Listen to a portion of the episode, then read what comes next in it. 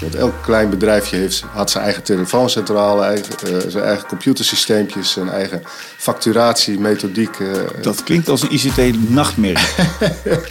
nou, dat klinkt als een prettige uitdaging voor een IT-manager. Dat is een nachtmerrie dus, ja. Van steunzel, aangepaste schoen tot ortheses en protheses.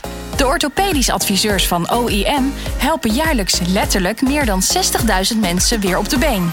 Maar het ambachtelijke vak van orthopedisch instrumentenmaker is sinds een aantal jaren aan het verschuiven. Waar het aanmeten en maken van orthopedische voorzieningen van oudsher met de hand gebeurde, komt steeds vaker digitalisering om de hoek kijken.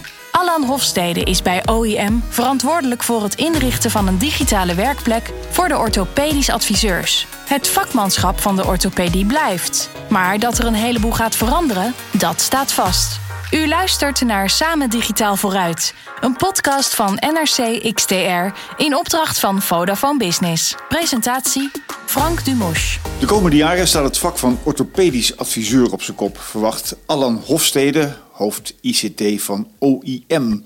Van inmeten met een CAT-scan, video's voor loopanalyses tot het 3D-printen van een prothese. Digitale hulpmiddelen gaan in iedere fase van de dienstverlening een rol spelen.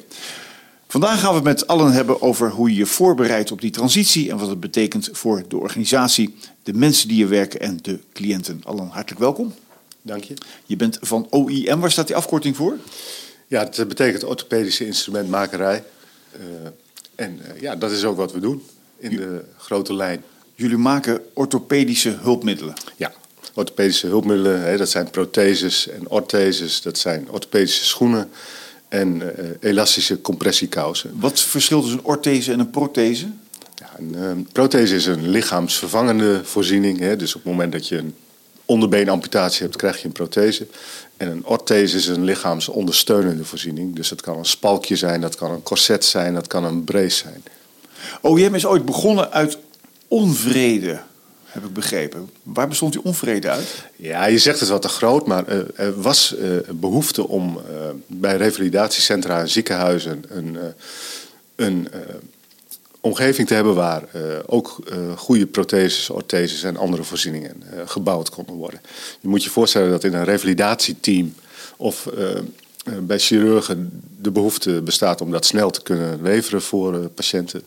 Uh, want hoe sneller iemand weer op de been is, hoe beter het is. Nou, dat was uh, voorheen wat uh, zeg maar diffuus georganiseerd. En de behoefte ontstond steeds meer om dat dichtbij die revalidatieinstellingen bijvoorbeeld te hebben. Nou, daar is OIM bijvoorbeeld in Noord-Nederland door ontstaan. gekoppeld aan een revalidatiecentrum.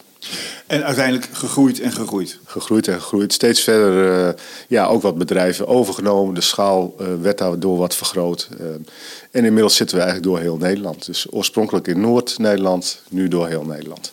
Um, het DNA van de organisatie, als je dat zou willen omschrijven, is dat heel erg gericht op techniek of is het juist heel erg gericht op de patiënt? Ja, het is een combinatie, maar de nadruk ligt absoluut bij de patiënt. Wij proberen mensen met een beperking te helpen om weer in hun dagelijks leven zo normaal mogelijk te functioneren. Dat is eigenlijk de essentie. En je ziet ook een, een heel erg zorgcultuur en zorg-DNA in de organisatie.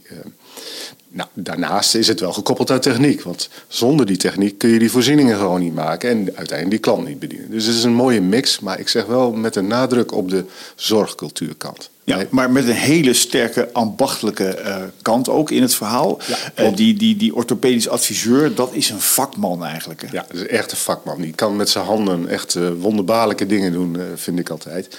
Um, de belangrijkste uitdagingen, wat zijn die voor een orthopedisch adviseur? Nou, A moet hij heel erg goed doorzien wat de behoefte is van zijn patiënt, van zijn klant. hoe, hoe gedraagt die patiënt zich in het dagelijks leven? Want je kunt je voorstellen dat een nou, ik zeg het een beetje lelijk, een omaatje van 80 een hele andere behoefte heeft dan een, een sportieve uh, server van 16 die zijn onderbeen verloren is op een of andere manier. Dus je moet je als adviseur heel erg verdiepen in de werkelijke behoeften van je, van je patiënt, van je klant. Nou, en daarnaast is het heel belangrijk dat hij enorm veel verstand heeft van wat er aan voorzieningen mogelijk is voor die persoon. Wat voor sportprothese wil je dan? Is het om te surfen of is het om te skiën of is het om uh, aan de Paralympics mee te doen met hardlopen? Dat soort dingen doen wij ook. Um, Of is het gewoon zo dat je een cosmetische prothese nodig hebt voor, uh, voor het feit dat je in een rolstoel zit en eigenlijk helemaal de behoefte niet meer hebt om te lopen als je 80 bent. Uh, dus verplaats je in de, in de patiënt, dat is het grootste goed wat onze adviseurs hebben, met de kennis die ze hebben. Dus, dus zeg maar dat aanmeten hè, van, die, van die protheses en die ortheses, hoe gaat dat in zijn werk? Ja, in feite is het zo dat je heel snel uh, nadat iemand een amputatie heeft gehad en zo gauw de boel, uh, de stomp genezen is, je uh, traditioneel een gipsafdruk maakt van zo'n van zo'n been, van zo'n stomp. Nou, daar wordt dan een positief van gemaakt en om de positief, die positieve afdruk, die lijkt precies op de stomp. Dat is de stomp, maar dan in gips. Daaromheen wordt dan zo'n voorziening gebouwd. Dus dan moet je je voorstellen dat daar een koker omheen wordt gemaakt. Dat kan van leer of kunststof zijn nou, steeds minder leer, steeds meer kunststof.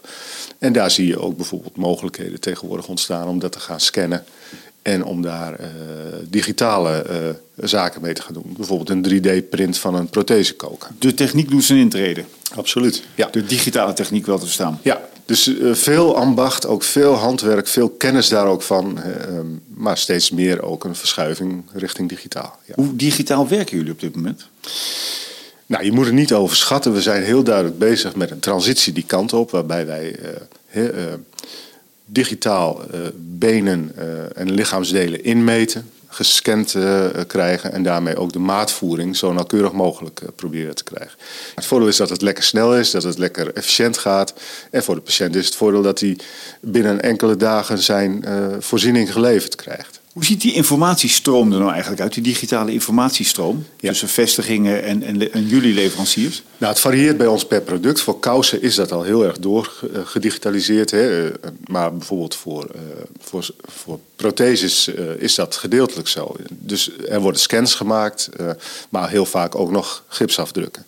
Op het moment dat je met scans werkt, dan is het mogelijk om als de scan uh, gedaan is, uh, om, om dat digitaal te modelleren. Dus er wordt op een beeldscherm met CAD-CAM software, uh, ja, wordt dat digitaal gemodelleerd. En vervolgens wordt dat naar de prothesemaker gestuurd, die vervolgens daar... Dat is een externe partij of is dat intern? Nee, dat is intern. intern. Het kan overigens ook extern. Het is ook zo dat we met derde partijen werken om bijvoorbeeld 3D-prints eh, te maken. Maar dat betekent dat jullie allemaal vestigingen hebben die dus digitaal goed verbonden moeten zijn met elkaar. Ja, absoluut. Die infrastructuur die daartussen ligt, die daaronder ligt, die, die is echt uh, key in dit geval. Want als je dat niet goed voor elkaar hebt, dan ja, is uh, de uitwisseling van gegevens slecht, foutgevoelig en ja, kun je daar ook niet op vertrouwen. Dat kunnen we inmiddels steeds meer wel. Laten we, voordat we door gaan praten over de, de situatie die je aantrof, uh, even een stelling voorleggen aan jou. Ik wil nog geen antwoord, ik leg hem vast aan je voor. Daar kan je er vast een beetje over nadenken terwijl we doorpraten. En de stelling is dit. Door digitalisering gaat het ambacht van orthopedisch instrumentmaker onvermijdelijk verloren. Of, tweede optie, dankzij digitalisering wordt ons ambacht alleen maar breder. Mag je zo meteen zeggen? Ja. We gaan eens kijken naar de organisatie. OEM heeft uh, veel fusies doorstaan. Um, ik zei al, de jaren 80, 81 zijn jullie opgericht. Als je kijkt, is het nou ook terug te zien, die, die, die fusies in het ICT-landschap? Ja, uh, kijk, OEM heeft een soort organische groei uh, doorgemaakt... waarbij de behoefte om, om uit te breiden en uh, ook schaal te vergroten steeds aantrekkelijker werd. Je zag ook veel kleine bedrijfjes in de orthopedische instrumentmakerij en schoenmakerij... ja, vastlopen omdat ze toch uh, ook ten aanzien van hun schaal uh, onmogelijkheden kregen. Nou, dan is het aantrekkelijk om te fuseren met een wat grotere partij. Dat hebben we binnen OEM veel gedaan. Um, ja, wat je daarmee naar binnen haalt, zijn allerlei verschillende cultuuraspecten. Maar ook allerlei verschillende technologieën. Want elk klein bedrijfje heeft, had zijn eigen telefooncentrale, eigen, uh, zijn eigen computersysteempjes, zijn eigen facturatiemethodiek. Uh, dat klinkt als een ICT-nachtmerrie. nou, dat klinkt als een, als een uh, prettige uitdaging voor een IT-manager. Dat is een nachtmerrie dus, ja. ja. We hebben heel veel effort erin gezet de laatste jaren om dat terug te brengen naar uh, één centrale omgeving waar de gegevens worden opgeslagen. Goede lijnverbindingen, datalijnen. En ook telecomsystemen die gesynchroniseerd zijn. En dat hebben we voor een groot deel met Vodafone samen gedaan. En die zijn goed in staat om dat bij elkaar te brengen. En dat heeft ons heel veel opgeleverd in de zin van stabiliteit, snelheid, betrouwbaarheid en ook kostenefficiëntie. Zo simpel Ja, is het want die stabiliteit, dat is echt essentieel. Dat is essentieel. Ja, je moet je voorstellen, als je gegevens uitwisselt eh, en, en dat hapert of dat is onbetrouwbaar, ja, dan kun je je hele productieketen ook niet eh, in lijn houden. Dat is, dat is heel storend eh, natuurlijk. Dus ja, we hebben ook steeds meer de mogelijkheid om dat plaatsonafhankelijk daarmee te doen, om dat ook draadloos te doen.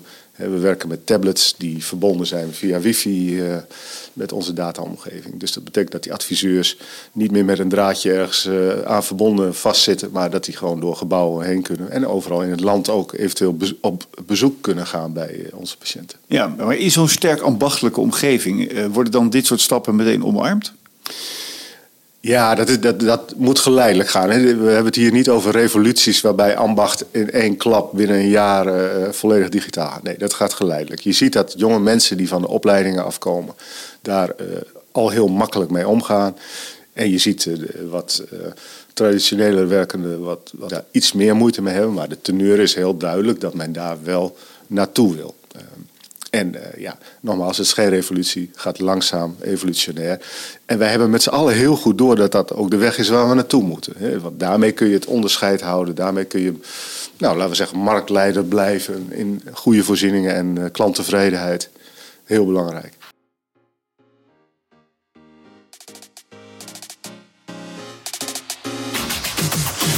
Ik had jou een, een keuze voorgelegd. Ja. Uh, door digitalisering gaat het ambacht van orthopedisch instrumentmaker onvermijdelijk verloren. Of dankzij digitalisering wordt ons ambacht alleen maar breder. Waar kies je voor? Nou, als ik voor één zou kiezen, kon ik gelijk, denk ik, ontslag nemen. Dat, dat, dat kan niet. Nee, ons, het vak uh, uh, wat uitgevoerd wordt binnen OIM heeft een absoluut ambachtelijk karakter. En dat moeten we ook echt vasthouden. Daar zit de kracht en de kennis. En als dat verloren zou gaan, dan kan je ontslag nemen? Ja, als ik zou zeggen van nou, daar houden we mee op, dan nee, dat, nee het gaat zich echt verbreden daardoor. Je krijgt meer mogelijkheden als instrumentmaker om dingen te kunnen doen. Ook als schoenmaker. Om betere, snellere, eventueel zelfs goedkopere voorzieningen te kunnen leveren. Ja, en dat doe je dus daarmee voor je klant. Het gaat, kijk, digitalisatie is nooit een doel in zichzelf. Wij, streven ernaar om daarmee de klanttevredenheid en de kwaliteit van onze producten uh, te verhogen. En ook eventueel om het goedkoper te maken. En, en een stabiele netwerk zorgt ervoor aan de medewerkerskant dat die, die, die connectiviteit uh, veel groter is. Ja, Wat levert dat precies op?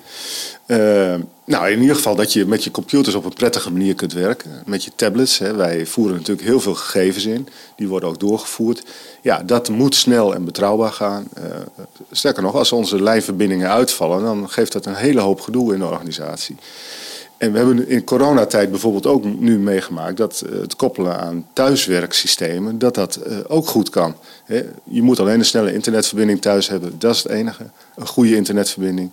Nou, als Nederland is koploper in, in internet breedbandverbindingen, toch? Ik Wij zijn in Nederland koploper ja, op dat ja, gebied. Ja, die infrastructuur in Nederland is daar goed op voorbereid. Dus op het moment dat we die openbare infrastructuur goed kunnen gebruiken, door onze systemen daar mooi aan te koppelen, en dat kunnen we, ja, dan, dan zijn de mogelijkheden, ik zou bijna zeggen legio. Dan kun je echt de toekomst in. Vanuit jouw vak hè, als uh, baas ICT, um, wat is er randvoorwaardelijk nou nodig om uh, door te kunnen groeien qua technologie? Ja, je zult met partners moeten werken en ook intern met mensen die snappen dat die vooruitgang nodig is uh, en dat ook kunnen realiseren. We zijn natuurlijk afhankelijk van, van grote partijen op dat gebied. ja, ik denk dat het vooral goed is om de keuzes daarachter heel helder en goed te maken, want dan ben je.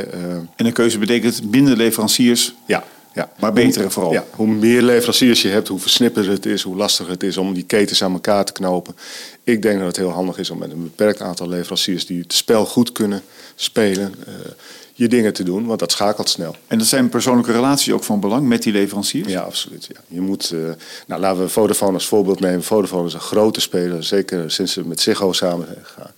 Ik heb. Uh, ook al zijn wij helemaal niet zo'n supergroot uh, bedrijf, hè, we werken met ongeveer 425 mensen. Uh, als MKB-bedrijf een hele korte lijn met zo'n grote speler als Vodafone. We hebben het over de technologie gehad. we gaan het nu hebben over de toekomst. Wat, wat ligt er allemaal in het verschiet als het gaat om eh, de stappen die jullie gezet hebben en de stappen die er nog gaan komen? Nou, een van de dingen die heel belangrijk is voor OEM, en die is ook eh, in een strategische notitie inmiddels wel vastgelegd, is dat wij eh, verder de cloud in willen bewegen. Dat betekent dat je steeds minder eigen apparatuur en eigen opslag- en servicesystemen hebt, maar steeds meer dat uitbesteedt aan de markt. Die ehm, technologische kant, hè, dat kan voor, voor, op termijn ook voor een versnelling zorgen. Ja, ik denk het wel. Eh, je moet je voorstellen dat uh, als je met minder materialen hoeft te werken, maar steeds meer uh, ook met digitale modellen, ja, maakt dat de boel veel sneller. Bovendien is het zo dat je, als je die zaken goed kunt opslaan, ehm, dan heb je de volgende keer dat iemand komt heel snel die gegevens weer tevoorschijn. We hebben nu heel veel magazijnen, letterlijk, met houten lees. Het is prachtig om daar eens foto's van te maken. Het ziet er geweldig uit. Het zijn ja, een kleine hallen vol met allemaal houten leesten uh, die hergebruikt worden als iemand weer terugkomt. Maar in feite natuurlijk ook heel onhandig. Het neemt verschrikkelijk veel ruimte in. Je raakt ze wel eens kwijt. Waar is nou? He, die moet allemaal gelabeld worden. Als je dat digitaal kunt doen, is het zoeken en snel uh, weer tevoorschijn halen veel makkelijker. En aan de patiëntkant, wat gaat daar veranderen? Nou, wij zijn steeds meer in staat om mobiel om die patiënt heen te bewegen. Dus dat betekent dat hij niet per se altijd naar ons toe hoeft te komen, dat we op plaatsonafhankelijke, uh, uh, plaatsonafhankelijkheid gebaseerd steeds meer dingen kunnen doen. Onze adviseurs kunnen ook steeds meer thuiswerken.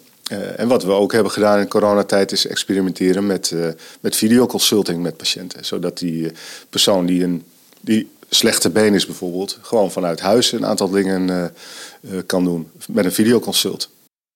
En 5G en het Internet of Things, wat gaat dat veranderen? Ja, komt er absoluut aan. Um, ja, 5G, is er al, hè? Ja, 5G is er. Uh, ja, IoT, Internet of Things ook. Uh, nou, als je dat een beetje combineert in onze wereld... dan kun je gelijk denken aan sensortechnologie in bijvoorbeeld uh, schoenzolen in sensoren die in prothese zitten en die gaan meten hoe de krachten daarop zijn, hoe vaak er een, uh, een schoen heeft afgewikkeld, hoeveel stappen je hebt gemaakt. En daarmee kun je ook gaan voorspellen wat de levensduur van zo'n apparaat is. En uh, voorkomen dat, dat die pas uh, gerepareerd moet worden als hij kapot is, maar voor die tijd al. Maar dat betekent dat er straks geautomatiseerd een mailtje uitgaat, meneer uw prothese is bijna versleten, wilt u even melden? Ik droom daar wel eens van. Dat zou echt mooi zijn. Ook voor de patiënten, eh, voor de, voor de klant van ons.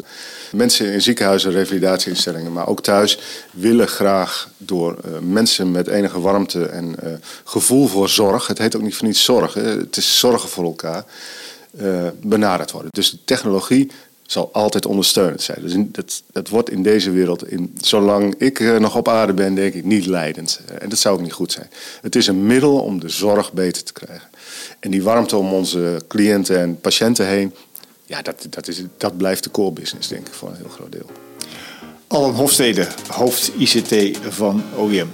Dankjewel. Dank. Wilt u ook samen digitaal vooruit en net als Allan een digitale werkplek die in dienst staat van cliënten en medewerkers? Kijk dan op specials.nrc.nl/slash Vodafone.